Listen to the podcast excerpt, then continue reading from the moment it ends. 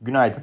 E, uluslararası piyasalarda dün ABD e, tarafı e, kapalı olduğu için e, açıkçası daha düşük hacimli işlemler gerçekleşti Avrupa tarafında. Genel yapıyı şöyle söyleyebilirim, özetleyebilirim. Avrupa endeksleri iyi bir performans gösterdi. Yani yaklaşık olarak %1 civarı artış var. Bunun da nedeni e, bir, ya iki tane nedeni var. E, kendi dünyamda en azından öyle özetleyebilirim. E, birincisi e, biliyorsunuz geçen hafta e, MSCI Dünya Endeksi açısından 2020 Mart ayından beri en kötü haftaydı. E, dolayısıyla buna bir tepki alışı e, gelmiş olabilir. E, çok normal normal e, bir şekilde. E, ikincisi de e, Avrupa Merkez Bankası tarafında bu Avrupa tahvil getirileri farklarının e, işte bir noktada sabitleneceği veya işte ülkeler arası finansal koşullar risklerinin çok fazla farklılaşmayacağı ile ilgili olarak o konuşulan bolca bahsedilen ama detaylarını daha net bir şekilde alamadığımız işte e, mekanizma e, bir miktar e, sebep olmuş olabilir. E, günün sonunda bugün Asya seansına da baktığımızda Japonya e, öncülüğünde e, oldukça e, risk onlu bir e, fiyatlama e, söz konusu. E, Çin tarafında pek öyle bir durum yok. E, orada çünkü e, oranın e, Silikon Vadisi diyebileceğim Shenzhen şehrinde e, bazı e, muhitler tekrardan kapanmaya girmiş durumda. Yani bu sıfır Covid politikası Çin için gerçekten büyük bir kumar. Yani politik yapı bir kumar olarak görmüyor ki bunu tabii ki uyguluyor. Ama piyasa katılımcıları açısından bütün dünyanın artık neredeyse e, Covid'i geride bıraktığı en azından fiyatlamalar açısından e, bir aralar biliyorsunuz yani her gün vaka sayısı e, takip ediliyordu. Hatta onların içinde analizler yapılıyordu. İşte kaç vaka oldu, kaç hastane var, kaç ölüm var vesaire. Değişik işte varyantlarla ilgili yorumlar. Ee, bu omikron e, en azından herkese bu olayı e, bulaştırdığı için hızlı bulaş etkisinden dolayı bu e, takip ve Covid'in etkisi piyasalar bazında geri planda kaldı. Ama maalesef Çin tarafı öyle değil. Yani gerçekten orada işte toplu testlerin ayarlanılması, işte demin bahsettim Shenzhen'de oranın Silikon Vadisi e, gene bir e, ne, bazı muhitlerde kapanma var. Bence daha da önemlisi e, yani global ekonomi tarafını da bir miktar etkileyecek bir şey. Yaz aylarında da olduğumuz için oranın Las Vegas'ı, Macau şehri e, ismi de çok tatlı. E, orada e, tekrardan vakalar e, görülmeye başlanmış. E, bu tabii ee, çok iyi değil. Ee, bu haber nedeniyle Çin e, tarafı daha yatay ama genel olarak Asya seansında da bir pozitif fiyatlama görüyoruz. Ee, bu işte tepki alımlarına dün iki tane de haber eklendi.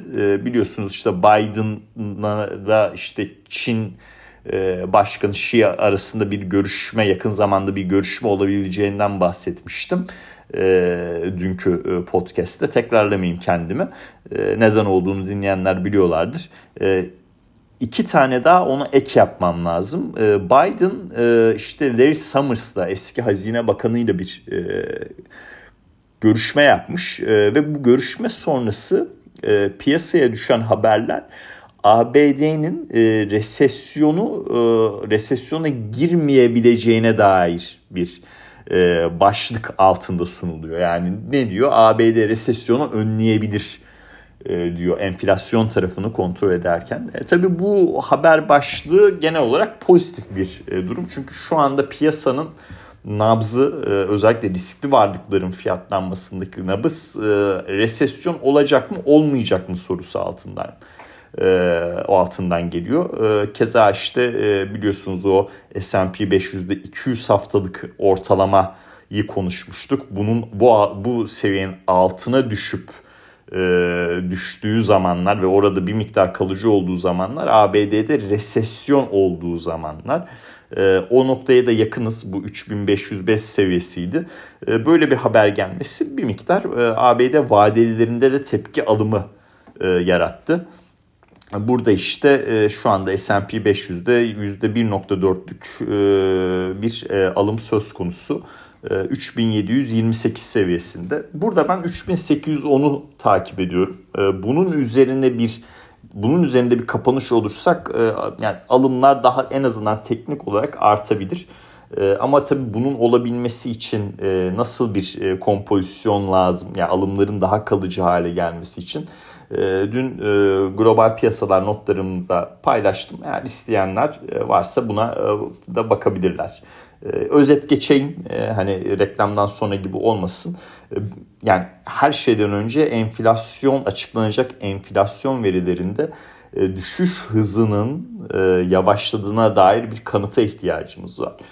Ondan sonraki onun altını dolduracağımız noktalar e, işte e, ABD şirketlerinin e, kar beklentilerini çok ciddi aşağı revize etmemesi lazım. E, kanıt aldıktan sonra e, işte istihdam piyasasıyla konut piyasası gerile, geriliyor. Daha böyle soğuyor, kötü noktaya doğru gidiyor. Bu kötü gelen veriler eşliğinde Fed'in frene basması lazım. Bu frene basma faiz artış hızında bir ayarlama da olabilir bilanço yapısında e, işte e, azalım süreciyle ilgili bir e, belki bir ara verme gibi de bir şey olabilir. Ama günün sonunda e, finansal basında e, bu nedenlerden ötürü e, FED güvercin bir noktada diye bir haber çıkması lazım. Ee, tabii bu farklı bir noktaya da götürebilir bizi. Yani enflasyon verisi kötü gelmeye devam eder. Ekonomik veriler çok daha e, kötüleşir. E, FED e, frene basmaz. E, maalesef e, öyle bir durumda resesyon riskleri artacağı hatta stagflasyon riskleri artacağından ötürü e, bir noktada e, işte e, bu e, bugünkü gibi tepki alımları X, Y, Z nedenden ötürü kalıcı bir hale gelmez ve tekrardan bu tarz yükselişleri piyasa satış fırsatı olarak değerlendirir. Bunu şu anda öngörebilmek zor. Hatta bununla ilgili şöyle ufak bir anekdot da vereyim. Dün JP Morgan stratejistleri yılın ikinci yarısında hisse piyasası ile ilgili olarak çok da kötü geçmeyebilir notunu paylaşmışlar. E, dayandırdıkları konu enflasyon e, tabii. E, yani ne diyor? Bu noktadan sonra daha aşağı gidecektir diye. E, yoğurdu üfleyerek e, yememizi daha mantıklı olur. E, önce veriyi görelim. E, daha sonra e, hani e, bununla ilgili bir yorumda bulunalım. Ee, bunu hani niye paylaştım sizde? Kafa karışıklığının boyutunu anlatmak için. Yani JP Morgan stratejistleri böyle diyor ama JP Morgan CEO'su Jamie Dimon e, ekonomik bir fırtınadan bahsediyor negatif anlamda. Yani çalıştığınız bankanın CEO'su ekonomik fırtına diyor. Stratejistler yılın ikinci yarısı daha iyi geçebilir diyor. Yani böyle bir ayrışma var. E, belirsizliklerin ne boyutta olduğunu e, anlatmak için size bunu e, belirttim. E, bir de Larry Summers'la olan o konuşmada şöyle bir şey de var. Yani haber başlıklarında geçse de piyasada çok fazla öne çıkmayan enflasyonda kalı yani enflasyonda o hızın kalıcı bir şekilde düşmesi için işsizlik oranının %5'in üzerine çıkması lazım demiş. Yani %5'lik bir beklenti ya zaten şu anda 3 küsürlerdeyiz. 3-6 olması lazım eğer yanılmıyorsam. Yaklaşıyoruz zaten Haziran sonuna. 2 hafta sonra şeyi de alırız. ABD işte Haziran ayı tarım dışı istihdam verisini. Şimdi %5'in ne anlama geldiğini size şöyle söyleyeyim. Fed'in kendi projeksiyonlarında 2023 ve 2024 için beklentisi, işsizlik oranının beklentisi 3.9 ile 4.10. Bu ciddi bir e, yukarı yönlü gidişat. E, demek ki e, yumuşak iniş o kadar da kolay olmayacağı e, bu şekilde e, herhalde e, Biden'a e, anlatmaya çalıştı e, Larry Summers. E, ama diğer taraftan Biden'ın yaptığı açıklama e, resesyonun önlenebileceği şeklinde çok anlaşılamadı herhalde bu konuşmada. E, yani önlenebilir bir resesyonda %5'in altında bir e, işsizlik oranıyla e, herhalde e, enflasyon tarafı daha dizginlenebilir diye e, tahmin ediyorum. E, çünkü bu bayağı sağlam bir rakam. En azından bulunduğumuz noktaya göre. Öyle düşünebilirsiniz. Ee, geri kalan noktalarda şimdi bu e, bir ham madde tarafına değineceğim. Ee, yani bu endüstriyel metallerde satışlar devam ediyor. Ee, haftalık grafikte de e, yani bir %5 %6'lık daha e, bir düşüş e, teknik açıdan e, olası. Bloomberg ham e, endüstriyel metal e, e, endeksine baktığımda, ham madde endeksine baktığımda e, Diğer taraftan bu demir cevheri e, yani Haziran başından beri neredeyse %20'lik bir düşüş e, yaşadı. O taraf da önemli. Resesyon risklerinin artıyor olması bu tarafı negatif etkiliyor. Ama bir de şöyle bir durum var. Yani resesyon genel olarak işte enerji grubu için işte tarımsal grup için ya da endüstriyel metaller grubu için negatiftir günün sonunda. Yani bir değerli metaller olduğundan ayrışabilir. Hatta onunla ilgili altın long, petrol short düşüncemizi de paylaşmıştık biliyorsunuz. Ama stagflasyon olması farklı bir yapıya götürüyor. İşte ekonomik daralma olurken enflasyonun yüksek olması bu fiziksel varlıklara yatırım yapma ihtiyacını e, doğuruyor. E, bu düşünce altında da ham madde e, tarafı tabii iyi bir çeşitlendirici olarak öne çıkıyor. Şimdi bu konu hala belirsiz dediğim gibi yani bir yorum yapmamız çok zor. Gerçekten enflasyon verilerini aldıktan sonra göreceğiz. Çünkü Mayıs ayı tüfe verisi ABD'de kötüydü yani. Zaten her şey işte çorap söküğü gibi o veri sonrası hızlanarak geldi. Yani 75 bas puanlık bir artış yaşadık. 2 sene önce FED tek toplantıda 75 bas puanlık bir artış yapacak dense hani öyle bir gülünürdü ki yani tahmin bile edemiyorum. E, ama bugün bunlar bu tarz şeyler yaşandı. E, dolayısıyla o tarafta verileri görmemiz lazım. E, bu denklemi de o açıdan değerlendirebilirsiniz. Eğer işte bir kanıt alınırsa belki bu işte 2022'nin ilk yarısında yaşadığımız bu ham madde rallisi genel olarak yaşanan ham madde rallisi enerji grubu başlıca bir miktar frene o tarafta da frene basılabilir. Onunla ilgili olarak da e, şöyle bir şey e, paylaşayım size. E, Bloomberg ham madde endeksine baktığımızda 2008 zirvesinin hala çok altındayız. Ama Goldman Sachs'ın ham madde endeksine baktığımızda Goldman Sachs'ın ham madde endeksi daha enerji tarafı daha ağırlıklı bir endeks. 2008 zirvesine o kadar da uzak değiliz. Dolayısıyla burada bir hani o döngüsellikte ham maddeler tarafında yolumuz çok daha var, çok daha uzun e, dememiz e, belki de e, çok doğru da olmayabilir. İzleyip göreceğiz. E, ama aklımızın bir köşesinde bu da e, bulunsun. E, ekonomik veriler kısmına bakacak olursak bugün ABD'de bekleyen konut satışları gelecek. E, muhtemelen beklenenden kötü gelir diye düşünüyorum. Yani mortgage oranlarının bu derecede yüksek olması e, talebi orada negatif etkileyecektir.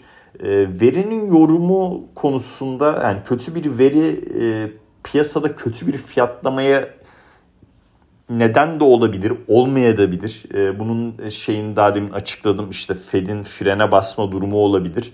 Veya işte e, e, ya gördünüz mü işte resesyon hatta stagflasyon riskleri artıyor.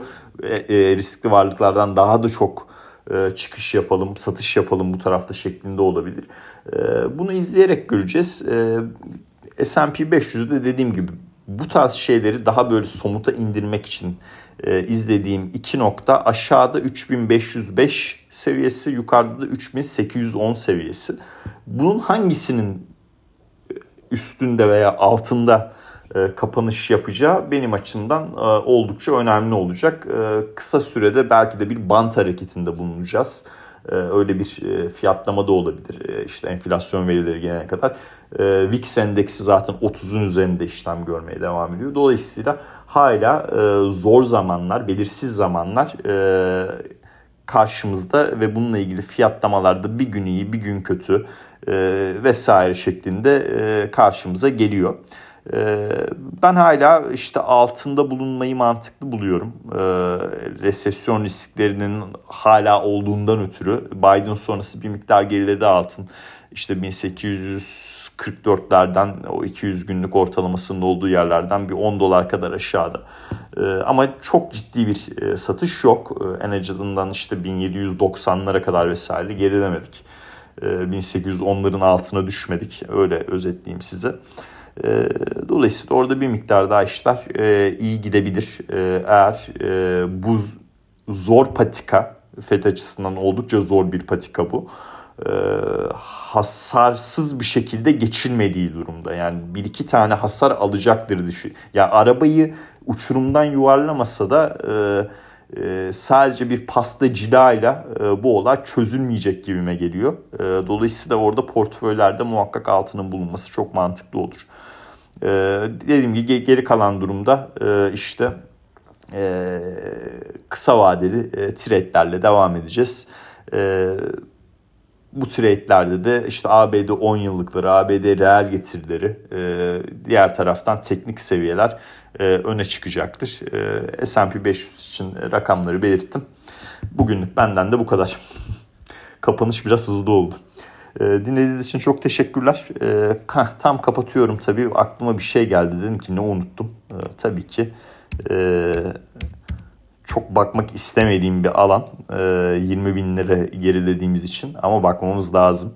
Bitcoin tarafı e, 21.100 seviyelerindeyiz. E, 19.500 seviyesinin korunması olumlu oldu. Ee, ama dediğim gibi yani bu tepki buradaki tep burası da tepki alışıyla karşılaşıyor.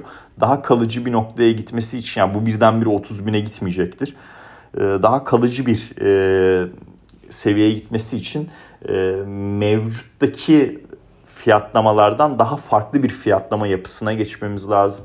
Onunla ilgili olarak da işte enflasyon e, verileri, istihdam verileri e, ve konut sektörü verilerini takip edeceğiz. Ee, buna bağlı olarak da bir FED görüşü e, oluşturup e, işte frene basacak mı, basmayacak mı, arabayı ne kadar sert e, çarpacak bu patikadan devam ederken onları izleyeceğiz, takipte bulunacağız. Dinlediğiniz için çok teşekkürler. Herkese iyi seanslar dilerim.